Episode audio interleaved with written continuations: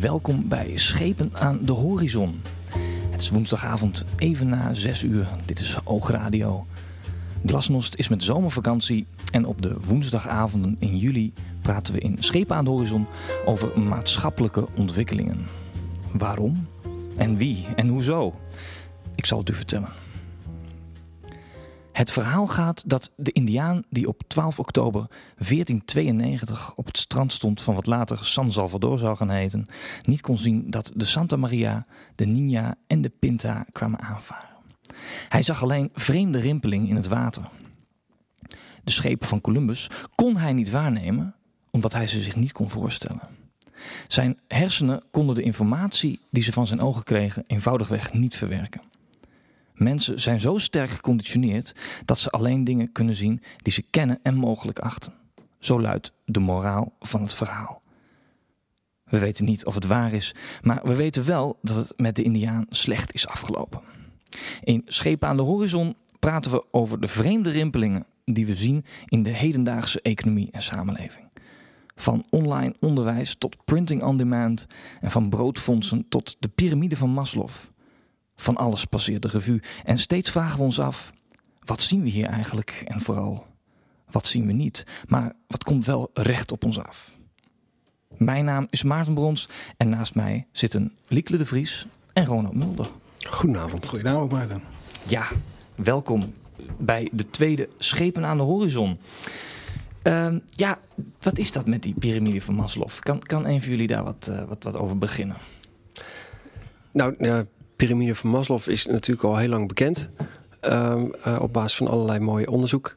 En ehm, die stelt dat ehm, mensen in een bepaalde volgorde behoefte hebben die ze graag vervuld willen zien voordat ze aan iets volgens toekomen. En dat is als een soort van piramide gestapeld. En het begint met hele basale eh, lichamelijke behoeften. Eten, drinken, ademen en dat soort zaken.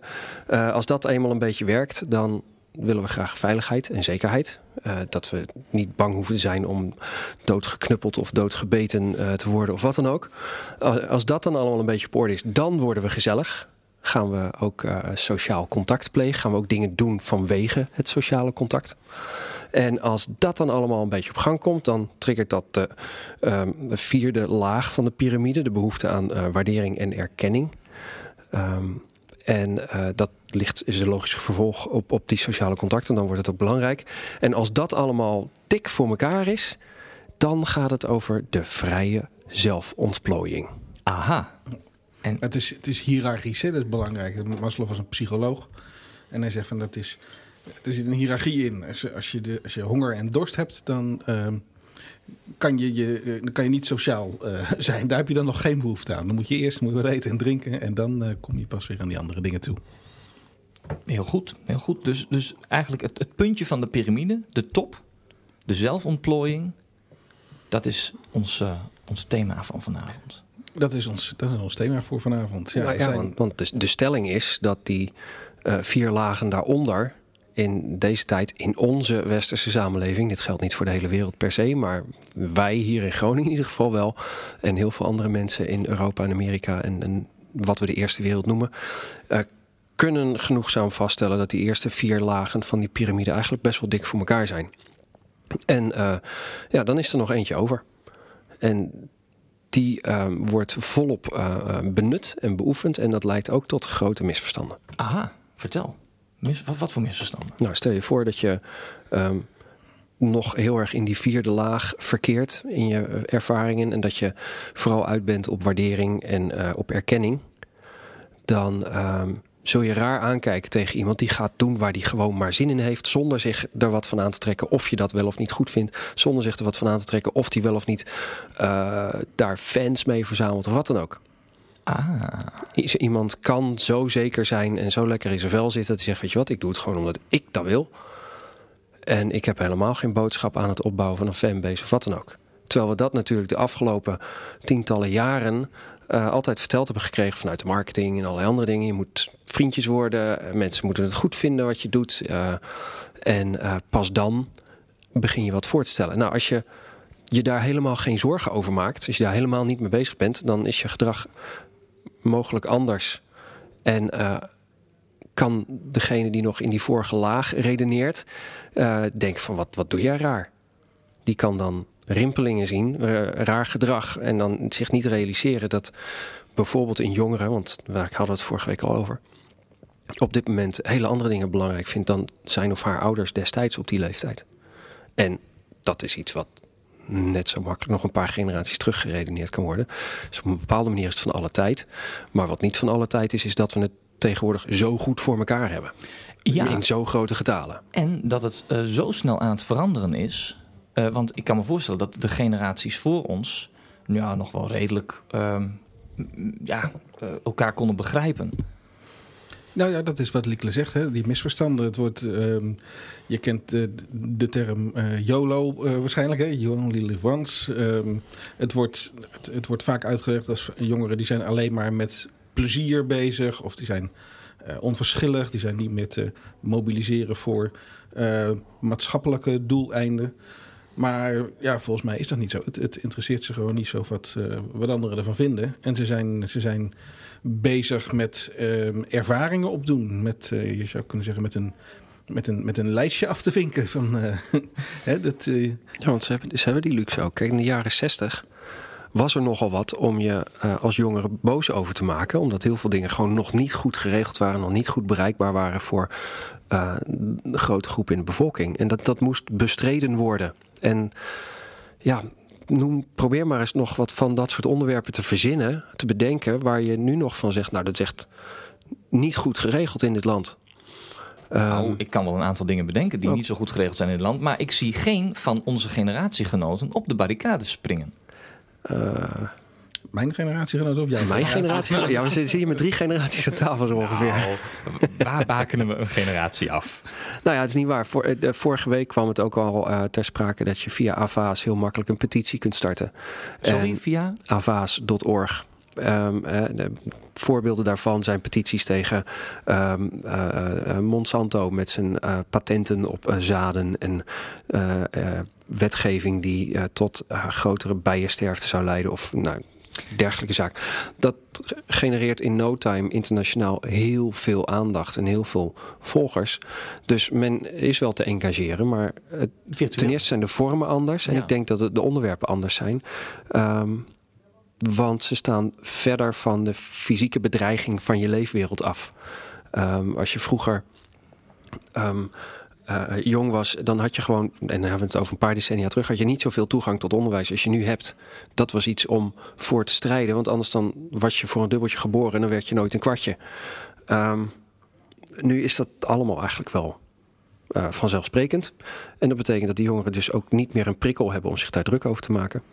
Uh, en lekker met andere dingen bezig gaan. Maar ze zijn natuurlijk nog best te mobiliseren. Hè? Kijk maar naar de, de, het glazen huis elk jaar honderdduizenden, uh, vooral jongeren, komen erop af. En dat, ja. dat er een goed doel aan hangt, heeft er ook, ook mee te maken. En daar zijn allerlei bandjes en maar artiesten. Precies, het moet wel een belevenis zijn. Het moet wel een, beetje, leuk wel een beetje leuk zijn. Ja, we gaan niet een beetje, een beetje met een chagrijnig gezicht lopen demonstreren. Dat, met de poten in de klei.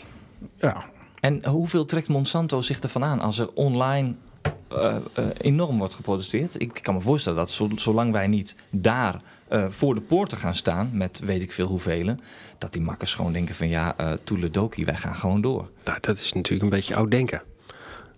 Want dat is wat je vroeger deed. Dan ging je demonstreren en dan maakte je zo'n partij fysiek ongemakkelijk. En dan hopelijk voelden ze zich op een gegeven moment zo bedreigd of, of zo in het nauw gedreven, letterlijk dat ze wel uh, gingen uh, veranderen. Wat die petities van Avaas en dergelijke doen, is met name ook invloed uitoefenen op um, uh, regeringen en de wetgeving die daar gemaakt wordt.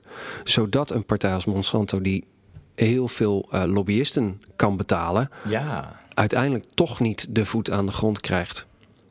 Dus het is indirecter. En mensen kunnen natuurlijk in hun gedrag um, uh, uh, stemmen hè, door bepaalde producten niet meer te kopen, bijvoorbeeld.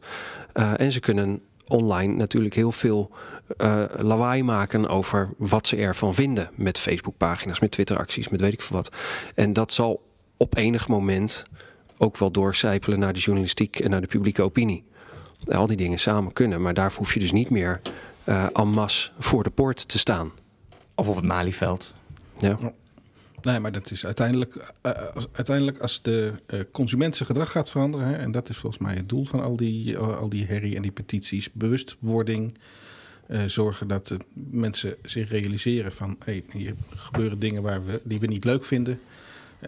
Kijk, Monsanto is natuurlijk niet de naam die in de schappen ligt, maar je kan nu heel makkelijk opzoeken welke merken van, die, van die spullen gebruik maken. Hè. En er is, er, weet niet of Liekle die zo snel kan vinden, maar er is een heel lijstje met uh, producten die je dan uh, maar beter kan boycotten als je het uh, niet eens bent met die politiek van Monsanto. Ja, um, dat verdient nog wat extra toelichting. Liekle zit hier achter zijn laptop en heeft Twitter ook ervoor. Dus u, beste luisteraar, kunt ook meepraten met Schepen aan de Horizon. De hashtag op Twitter is SADH. Um, eerst nog wat meer over Monsanto of gaan we hmm. een stukje muziek draaien?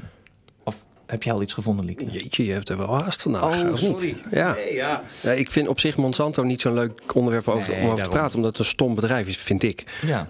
Um, maar de mechanismes die nu in werking treden op, op het moment dat mensen doorkrijgen wat dat bedrijf doet en hoeveel invloed dat heeft, uh, die zijn wel interessant. En we kwamen erop door het, doordat we het hadden over um, zelfverwezenlijking. Het is natuurlijk wel interessant om je even af te vragen, wanneer gebeurt dat eigenlijk?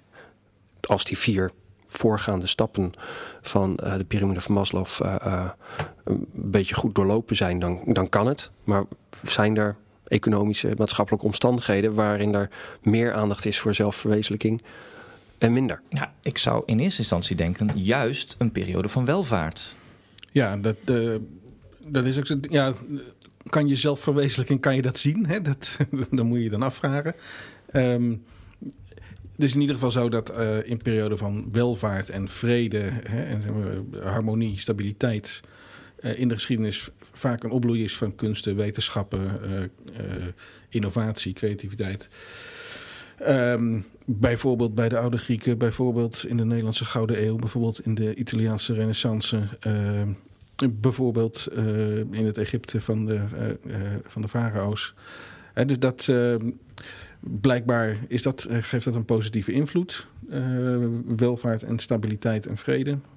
En aan de andere kant zie je ook wel dat uh, crisis, in, zeker in de, in de vorige eeuw, um, een crisis maakt ook creativiteit los. Hè? Want dan moet je wat. dus je zag in de jaren 30, de grote depressie, zag je de, ook de gloriejaren van Hollywood en de uh, jaren 60, 70, de grote protestgeneratie uh, tegen de Vietnamoorlog. Dat gaf ook een vorm van creativiteit. Uh, de, de rock'n'roll is toen ongeveer ontstaan. De, dus ik weet niet precies, het, het, is niet heel eenduidig, maar het is wel. ja, als het, als het of heel goed gaat, of er is een crisis die de mensen noopt om eens anders tegen de zaken aan te gaan kijken. Dat, misschien moet je het zo samenvatten. Mooi, heel mooi. Um, ja, ik zou zeggen, twitter vooral mee op uh, hashtag SADH. Ehm, dit, dit, uur verder, zometeen nog gaan wij uh, verder praten over onder andere onderwijs, de arbeidsmarkt en ontspecialisatie. Maar hier is eerst de Groningse band Kentler. Hebben uh, eerder dit jaar hun EP uitgebracht. Dit was het nummer Nostalgia. En Kendler doet ook alles zelf. Die trekken zich ook weinig aan van het status quo. En dat is toch ook een van de leidthema's hier bij Schepen aan de Horizon. Welkom terug. Naast mij zitten nog steeds Lieke de Vries en Ronald Mulder. Mijn naam is Maarten Brons. We hadden het net al even over de zelfontplooiing.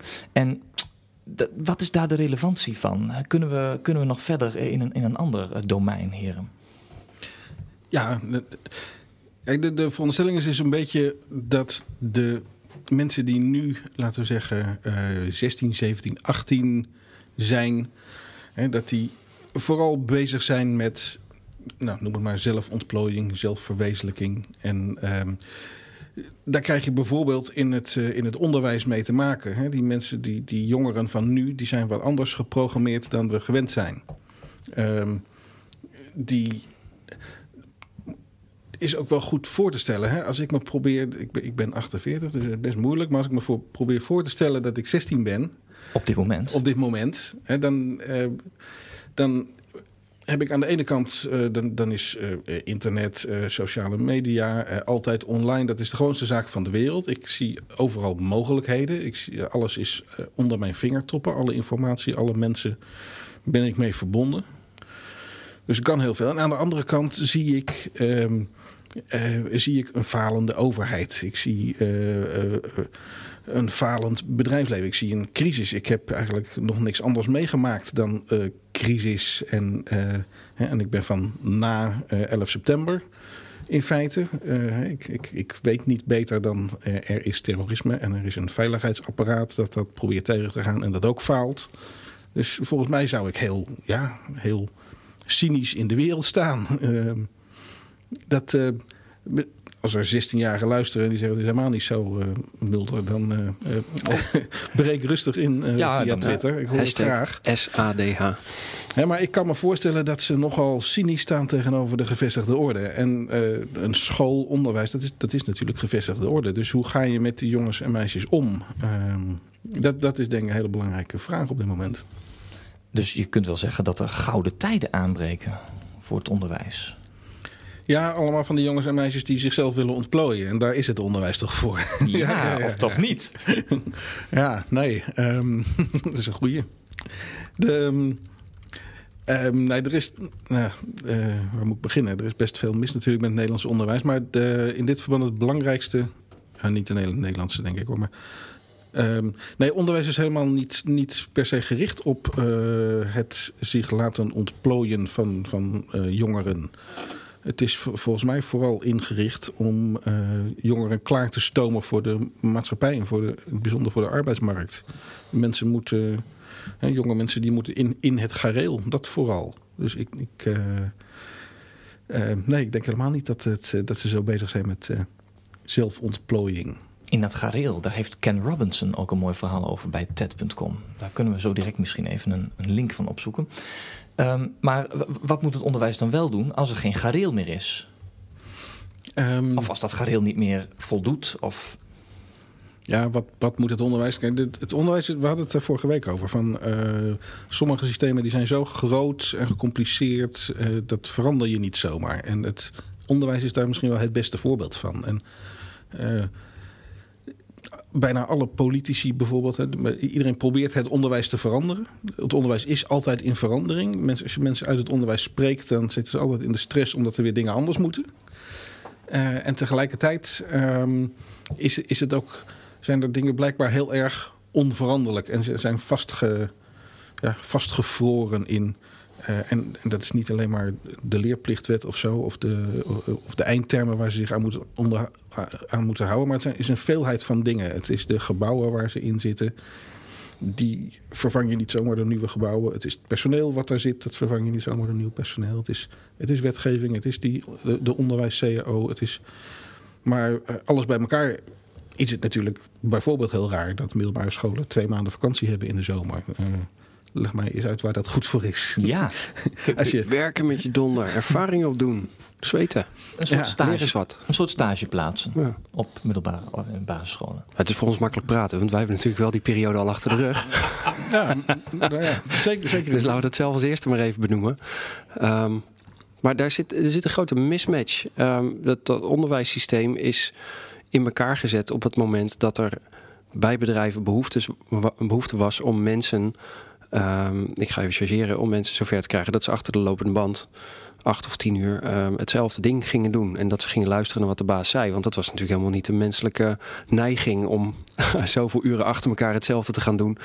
Um, ondertussen leer je in een schoolklas uh, luisteren naar degene die ervoor staat. Je leert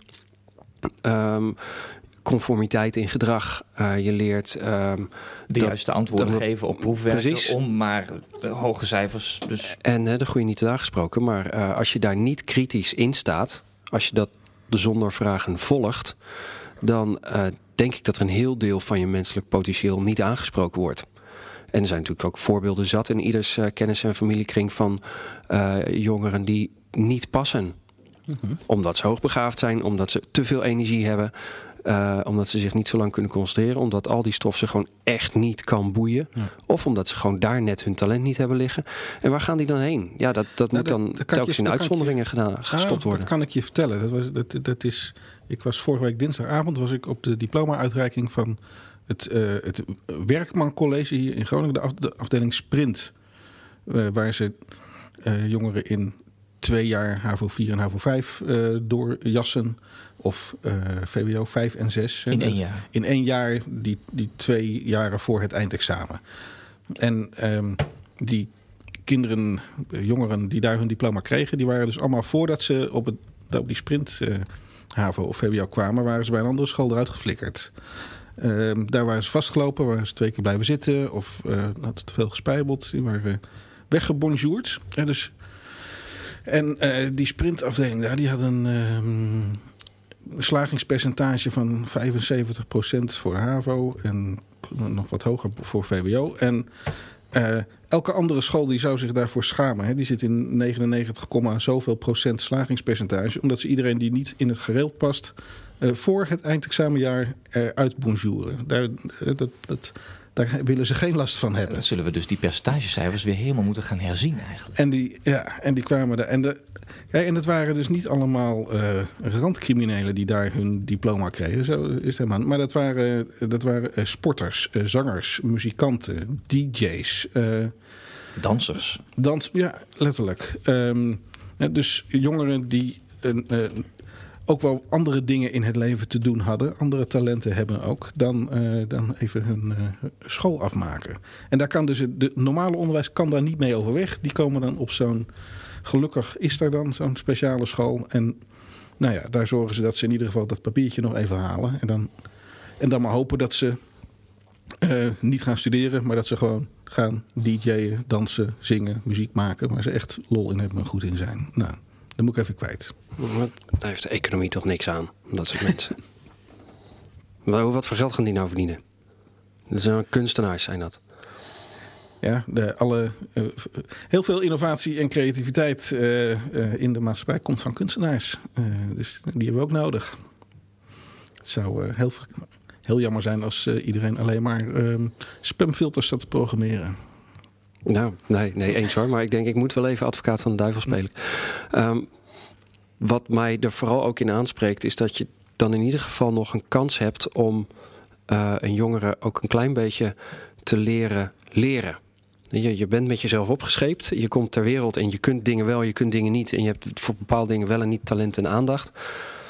En um, wat het huidige onderwijs nog niet goed doet, is mensen überhaupt vaardig maken in het omgaan met situaties die ze nog niet kennen. Het huidige onderwijs is vooral heel erg goed in het jou leren hoe een traditionele organisatie in elkaar zit. Hoe je daarin je gedrag moet uh, ontwikkelen, zodat dat uh, goede resultaten oplevert. En er zijn te weinig uh, middelbare en hogere schoolopleidingen waar je vooral leert leren, waar je leert omgaan met iets wat je niet kent. Uh, en waarin je leert dat je jezelf daarin kunt uitdagen. Dat je zelf daarin ook grenzen tegen kunt komen. Hoe je daar dan mee omgaat. Ook zoiets wat op middelbare scholen steeds moeilijker lijkt te worden. Uh, ik herinner me van een tijdje terug een cartoon. Dat bij wijze van spreken in de jaren 60, als je dan met een 5 op je rapport thuis kwam, dan stonden je ouders boos tegen jou te schreeuwen. En tegenwoordig, als je met een 5 thuis komt, staan je ouders boos tegen de leraar te schreeuwen. Ja, dit slaat natuurlijk nergens op. Um, zelf leren wat je grenzen zijn, wat je mogelijkheden zijn. En dat je daarin altijd weer opnieuw aan de slag kunt. Om je iets eigen te maken, om uh, te leren ergens mee om te gaan. Dat zit er nog veel te weinig in in het onderwijs van nu. Dus wat, wat zie ik dan voor me? Dat, dat er uh, naast wiskunde ook dans en uh, muziek en... Ja, dat mag van mij. Ik weet ook niet precies hoe het wel moet hoor. Ik zou zelf, als ik een school zou beginnen, zou ik sowieso zorgen dat die van 8 uur s ochtends tot zes uur aan het eind van de middag of zo. Dat, dat kinderen daar terecht kunnen. Hè? En niet alleen maar wiskunde en Nederlands en Engels aanbieden, maar ook uh, muziek en sporten. En uh, een beetje zoals het in de Verenigde Staten gaat. Um, of Frankrijk is of volgens mij ook zo. Erbij, ja. ja. Het begint ook al heel jong. Scandinavië. Ook prettig voor de ouders. Kunnen niet ze ja. gewoon geld verdienen. Dat moet ook gebeuren. Ja, dus um, school meer laten zijn dan een leerfabriek ik denk ook dat ik het wat kleinschaliger zou organiseren dan nu is. Maar ehm, ja, ik weet niet precies hoe. Ik zou graag zien dat er wat meer eh, eh, variëteit in zou zijn in Nederland. Hè? Dat, dat, je, dat je dus ook kan kiezen voor. Uh, nou, het zij zo'n Frans-achtige of Amerikaans-achtige school, het zij een traditionele Nederlandse school. Maar dat, we hebben wel scholen voor alle geloofsrichtingen die je kan bedenken, maar niet. maar ze geven eigenlijk allemaal op dezelfde manier les. Ja, de meest fundamentele verandering daarin zou zijn dat je uh, het mogelijk maakt voor verschillende mensen om met heel verschillende vakkenpakketten toch uh, een eindexamen te halen. Je, je zit nu wel in een bepaalde mal ook gedwongen. En, nou, er zijn dan stromingen die je kunt kiezen. En weet je, als je geen talenknobbel hebt, nou, dan hoeft dat niet in je pakket. Maar ook dat systeem is nog heel erg geforceerd en heel erg op ja, de grootste gemene deler eigenlijk ja. ingericht. En dat betekent dat individuele talenten dus ook heel weinig in een schoolopleiding gestimuleerd worden. Nee, dat, dat is een reflex, die komt steeds weer terug. Hè. Op de basisschool moeten kinderen toch vooral Nederlands leren en, en leren rekenen. En op de middelbare school is inmiddels uh, wiskunde, Nederlands en Engels uh, verplicht als examenvak. Dus dan mag je er nog maar drie bij kiezen op de HAVO en drie uh, en vier op het VWO. Um, dus ja, we, vinden in, in theorie wel dat keuzevrijheid belangrijk is. Maar we vinden het ook wel heel belangrijk dat er niemand buiten de boot valt. En we hebben dus ook maar de leerplicht opgerekt tot, uh, tot uh, eh, 18-jarige leeftijd. En je zou ook best een case kunnen maken om die leerplicht uh, af te schaffen, volgens mij. En een leerrecht in te voeren. Dan moeten die scholen tenminste ook een beetje hun best doen om de klanten tevreden te stellen. Ja, en, en, bovendien, er zijn ondertussen ook genoeg voorbeelden. Um, jaren geleden hadden we het in Nederland al met uh, Ben Woldering, die zo zijn eigen bedrijf begon voordat hij überhaupt uh, ouder dan 18 was. Maar het afgelopen jaar was het internet te klein om te vertellen hoe bijzonder die Jack Andraka dan wel niet was. Die op 15-jarige leeftijd met kennis die hij van YouTube en Wikipedia haalde, een, een methodologie ontwikkelde om alvleesklierkanker op te sporen. En die methodologie die was. Um, uh, die kostte nog maar 3 cent om uit te voeren in plaats van 800 dollar. En die was uh, duizend keer sneller, effectiever, weet ik veel wat. En die jongen was 15. Het enige wat hij dus kennelijk kon was lezen en, en een computer bedienen. Dat was minimale noodzakelijkheid om het internet te kunnen bevaren. En de rest heeft hij gewoon zelf bij elkaar gewerkt. En hij is op onderzoek uitgegaan heeft uiteindelijk een wetenschapper gevonden die met hem wilde sparren. En tada, de hele industrie op zijn kop, bij wijze van spreken. Ah, dus weer zo. Uh, ja. Sorry, weer zo'n nee, weer zo'n game changer. Game changer. die het status nou, iemand, uitdaagt. Ja, en daar ook buitenom gaat. Hè? En dat is ja. misschien ook het laatste wat ik over onderwijs wil zeggen vanavond. Uh, kennis is natuurlijk uh, licht voor het oprapen overal. Je kan jezelf uh, leren programmeren, je kan Russisch leren, je kan uh, gitaar leren spelen, allemaal op internet dat, op YouTube, er zijn uh, TED-filmpjes, er is een Khan Academy en een Code Academy. En hè, aanbod genoeg uh, qua kennis. Dus laten de scholen zich vooral dan toeleggen op wat je niet online kan uh, verwerven. Hè? Op, dat, op dat leren leren, op sociale vaardigheden, op dingen als presentatievaardigheden. laat ze daar en, en laat die kennis, nou ja, dat, dat halen kinderen wel op als ze er behoefte aan hebben. En het is dan dus vooral zaak om de kinderen zichzelf hun passie en uh, ja, um, passion en purpose. Wat, hoe vertalen we dat nou zo mooi? Nou, doe me niet. Dat klinkt veel beter. Om hun eigen passion en purpose uh, te leren ontdekken. En aan de hand daarvan uh, op, op zoek te gaan. Ja, nou, er is een periode geweest waarin we dat ook enthousiast deden. Hè? Dat was de hippie-tijd. um, en dat is denk ik niet wat we bedoelen. Uh, en dat is een beetje het grijze gebied hier. Uh, ik kan me best een aantal basisdingen voorstellen waarvan je zegt nou, ik vind toch dat je daar een, een minimum aan scholing in gehad moet hebben. Maar de vraag is wel of dat dan ook een uh, verplicht eindonderdeel van je examens moet zijn. ik, ik bedoel, ik, ik kan me dood ergeren aan schrijftaal op Twitter. maar dat is ook van alle tijden. Want uh, zoals wij nu uh, uh, algemeen beschaafd Nederlands schrijven, is het toch ook alweer heel anders dan 100 jaar geleden. Dus ja. daar moet je overheen stappen. Daar gaat het niet om. Um, en ik denk dat je je ook moet realiseren dat een jong mens nog helemaal niet zo goed kan benoemen wat ze willen. Uh, dat heeft iets te maken met hoe die hersenen zich ook ontwikkelen. Dus, uh, daar is ondertussen ook heel wat uh, aan onderzocht en aan bewezen. Dus ik denk dat zo'n schoolperiode is, is een periode waarin ze ervaringen opdoen. Waarin ze leren wat wel en niet voor ze werkt. Waarin ze ruimte krijgen om nieuwsgierig te worden naar iets. Die nieuwsgierigheid te volgen. En waarin de, de begeleiding in de gaten houdt dat ze onderweg ja, een, een, een minimum slash modicum aan essentiële vaardigheden wel eventjes daadwerkelijk in de, in de rugzak krijgen. Maar dat, uh, dat het niet de mal is waar je het kind doorheen stuurt. Maar dat je het kind uh, uh, onderweg, nou ja, misschien moet je het vreselijke woord gebruiken. Een aantal competenties ja, moet ja. laten, bewees, bewijsbaar moet laten oppikken. En dat dat voor jou heel anders kan uitpakken dan voor mij. Maar dat we dan allebei evengoed een heel waardevolle scholingstijd hebben gehad. En dus als uh, bijdragers ja, de maatschappij instappen. Kunnen we dat zo uh, samenvatten? Nou, rimpelingen daarin, hè, de, de, in, in, in, het thema van ons programma, die uh, Steve Jobs scholen. Waar nu dan uh, alle leerlingen en alle leerkrachten met iPads rondlopen. Daar is op basis van technische mogelijkheden wordt daar een iets ander model gekozen. Maar um, je hebt op, in het HBO-onderwijs heb je in Leeuwarden uh, uh, communicatie, multimedia design, academie voor popcultuur, die hun heel hun onderwijsstelsel daarin zoveel mogelijk die vorm proberen te kiezen. Er is um, in Leeuwarden ook een middelbare school, ben ik de naam even van kwijt. Uh, de, de, de uh, Pieter Jelles uh, en dan nog wat. Piet, nee, de, want Pieter Jelles is een hele grote school. Oh, Pieter Jelles versnelling. Deze, of, nou, of Impact of... die gaan we even opzoeken. Er komt straks nog wel een tweet. Kom, dus er gebeurt een heleboel. En dat zijn de rimpelingen. Want die zijn vanuit traditioneel scholingsoogpunt ja. zijn, die, zijn die raar. En die conformeren zich nog steeds aan... Dat moet ook wel aan de manier waarop uh, onderwijs gefinancierd wordt. Want dat is daarin ook heel dwingend. Dat maakt ook allerlei dingen heel erg moeilijk om goed uit te voeren. Maar het gebeurt wel. En ja, daar komt meer aandacht voor, hoop ik.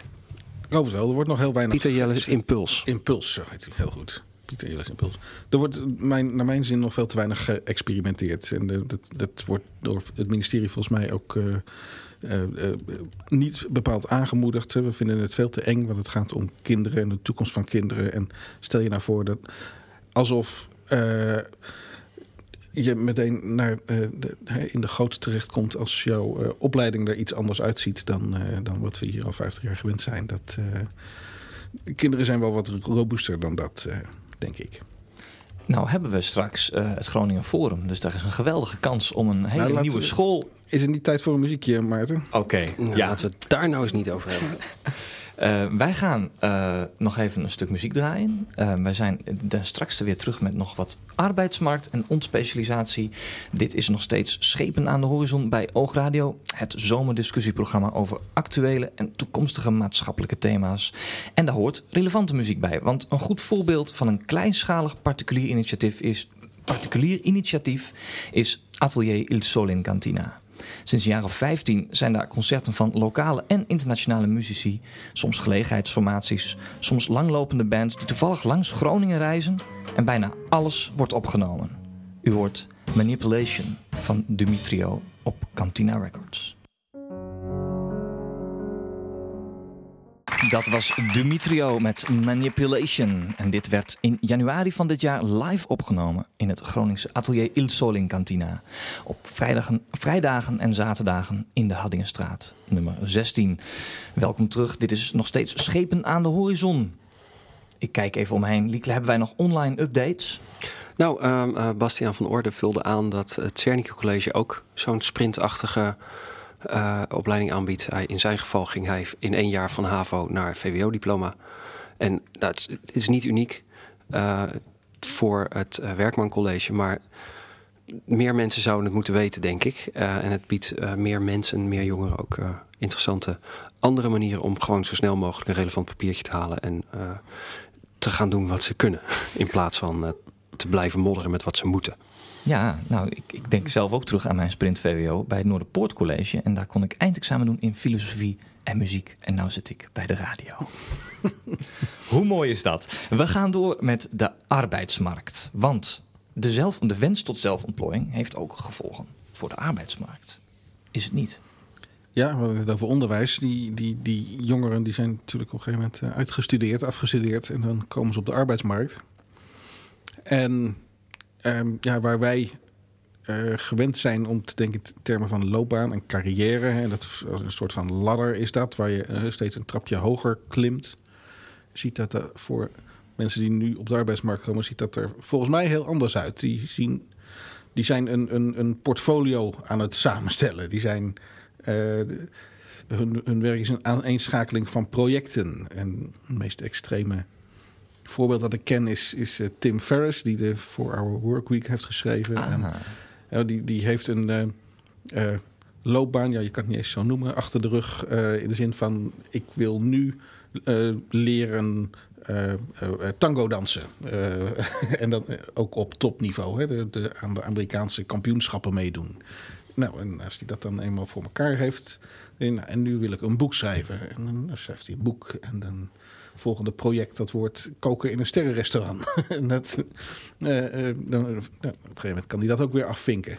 En eh, dat is wel heel extreem, maar ik zie eh, eh, jongeren op een soort vanzelfde manier eh, heel bewust van nu wil ik dit doen en dit leren en dan ga ik eens kijken waar ik dat kan. En als, als dat voor elkaar is, nou, dan kijk ik weer verder. En dat is een, eh, laten we zeggen, een hele uitdaging voor eh, traditionele werkgevers om dat goed eh, in hun bedrijf eh, te accommoderen. Ja, hoe, hoe hoe moeten ze dat nou gaan doen in de, in, in, in, die, in de komende tijd? Nou, Die werkgevers. doorgaand op eh, wat Ronald schetst, zou een werkgever dus niet moeten zeggen: Ik heb hier een baan waarbij je die en die verantwoordelijkheid hebt, maar ik heb hier werk liggen waarmee je deze en deze ervaringen kunt opdoen. Eh, dus als jij ehm, al best wel een beetje dingen kan regelen, eh, maar je wilt echt een, eh, een zwaargewicht eh, projectleider worden, dan heb ik hier een project voor je liggen. Ehm, als jij al best goed bent mentaal, maar je wilt echt serieus goed leren schrijven, dan heb ik hier een artikelenreeks, een boek of een weet ik veel wat dat geschreven moet worden, die geschreven moet worden. Sorry. Ehm, en ehm, op die manier eh, niet de banen en de loopbanen presenteren die binnen die organisatie mogelijk zijn, maar de leerervaringen eh, klaarleggen. Hoe zou dan zo'n vacaturetekst eruit zien? Nou, ik weet niet of dat dan nog een vacature moet zijn op die manier. Ehm, er zijn online allerlei eh, ehm, freelance ehm, boards hè, waar, waar mensen hun klus op zetten en waar zelfstandigen dan op kunnen reageren met een, met een voorstel eh, en eventueel offertes en weet ik veel wat. Eh, in, die zijn er in allerlei soorten en maten. Misschien zouden bedrijven dus wel geen vacatures moeten publiceren, maar klussen. En voor traditionele vacature, dat veronderstelt toch ook een beetje dat je weet dat je jarenlang hetzelfde, hetzelfde type persoon nodig hebt voor hetzelfde type werkzaamheden. Nou, er zijn, zijn natuurlijk nog wel bedrijfstakken waar je dat een beetje kan zeggen, maar steeds minder. De, eh, bedrijfsleven, dat, dat- sowieso is dat steeds ehm, onvoorspelbaarder. En ehm, is het misschien ook wel verstandiger als werkgever om ook je bedrijf te eh, behandelen als een verzameling projecten. Hè, en geen mensen aan te nemen voor de duur, een duur die langer is dan zo'n project. Ehm, ik kan me voorstellen dat in, in een sector als de zorg, dat, dat het daar wat anders ligt. Eh, dat je daar echt in de verzorging, nou, ja, dat je daar wat verder vooruit kan kijken. En ehm, dat het werk er daar nu ongeveer net zo uitziet als vijf jaar geleden of tien jaar geleden. Maar dat weet ik niet. Die sector die ken ik niet goed. Misschien beledig ik nu wel mensen. Maar eh, in, in ja, het commerciële bedrijfsleven is het sowieso al niet meer het geval. En ehm, dat vergt dus een vorm van specialisatie om zorg te kunnen doen. Ehm, Of ga ik nu te snel vooruit? Ja, we, we lopen een beetje in, of uit eigenlijk. Dus ik wilde eigenlijk voorstellen om, om de arbeidsmarkt en de ontspecialisatie maar even samen te voegen. Nou ja, ja daar. ehm, kijk, specialisatie, daar hebben we natuurlijk heel veel eh, aan te danken. Een heleboel eh, vooruitgang. Hè. De, de, ehm, als iedereen doet eh, waar hij goed in is en verder zo weinig mogelijk, dan eh, gaat het eh, met de economie als geheel het beste. En als je je specialiseert, nou, de medische sector is een, een voorbeeld, dan word je ook steeds beter. En ehm, Kijk, je, je wil denk ik niet dat een uh, hartchirurg, dat dat Tim Ferriss is, die heeft gezegd van nou, ik wil wel eens een hartoperatie doen en uh, dat die dan in je staat te snijden. Um, dus in bepaalde domeinen heeft specialisatie zeker nog zin. Maar um, het beeld wat ik net schetste van mensen die een, een verzameling projecten uh, achter elkaar doen en die een portfolio aan het aanleggen zijn, die, ja, die, zijn zich niet, die zijn zich aan het ontplooien en, dat is wel, en die zijn zich niet aan het specialiseren. En die maken misschien. Um, uh, die zijn op een bepaalde manier dan zeg maar serieel monogaam. Die kunnen best enige tijd in een bepaald specifiek uh, vak blijven hangen omdat ze dat boeit, omdat ze daarin kunnen groeien, omdat er andere redenen zijn om dat wat langer te willen doen. Maar ik denk niet dat jongeren van dit moment uh, dat beleven alsof dat iets is wat ze dus tot het einde van hun leven zullen blijven doen. Ik denk dat ze veel makkelijker uh, zeggen van nou oké, okay, nu is het mij genoeg. Nu heb ik, weet, heb ik dit helemaal uitgekoud, ik weet hier alles van. Uh, ik hoef niet meer, ik ga iets anders doen. Ik heb hier ja. zo gezegd 10.000 uur in zitten. Uh, ja, de, de 10.000 uur die ook genoemd wordt, die je nodig hebt om vaardig te worden. En niet zo boven de materie uitstijgen. Nou ja, dat is, dat is de meest genoemde quote uh, uit het boek van uh, Malcolm Gladwell met de titel Outliers. ja, dat is een onderdeel van zijn argumentatie. Een ander belangrijk onderdeel van zijn argumentatie is dat situatie en context nogal veel invloed heeft op wanneer um, iets wel of niet gaat werken. Er is een reden waarom in New York op een gegeven moment alle advocaten wel van Joodse afkomst leken. Het was namelijk zo. uh, en dat had te maken met wat daaraan vooraf ging in diezelfde stad en met hun uittocht. En, nou, en zo heeft hij nog een aantal andere voorbeelden.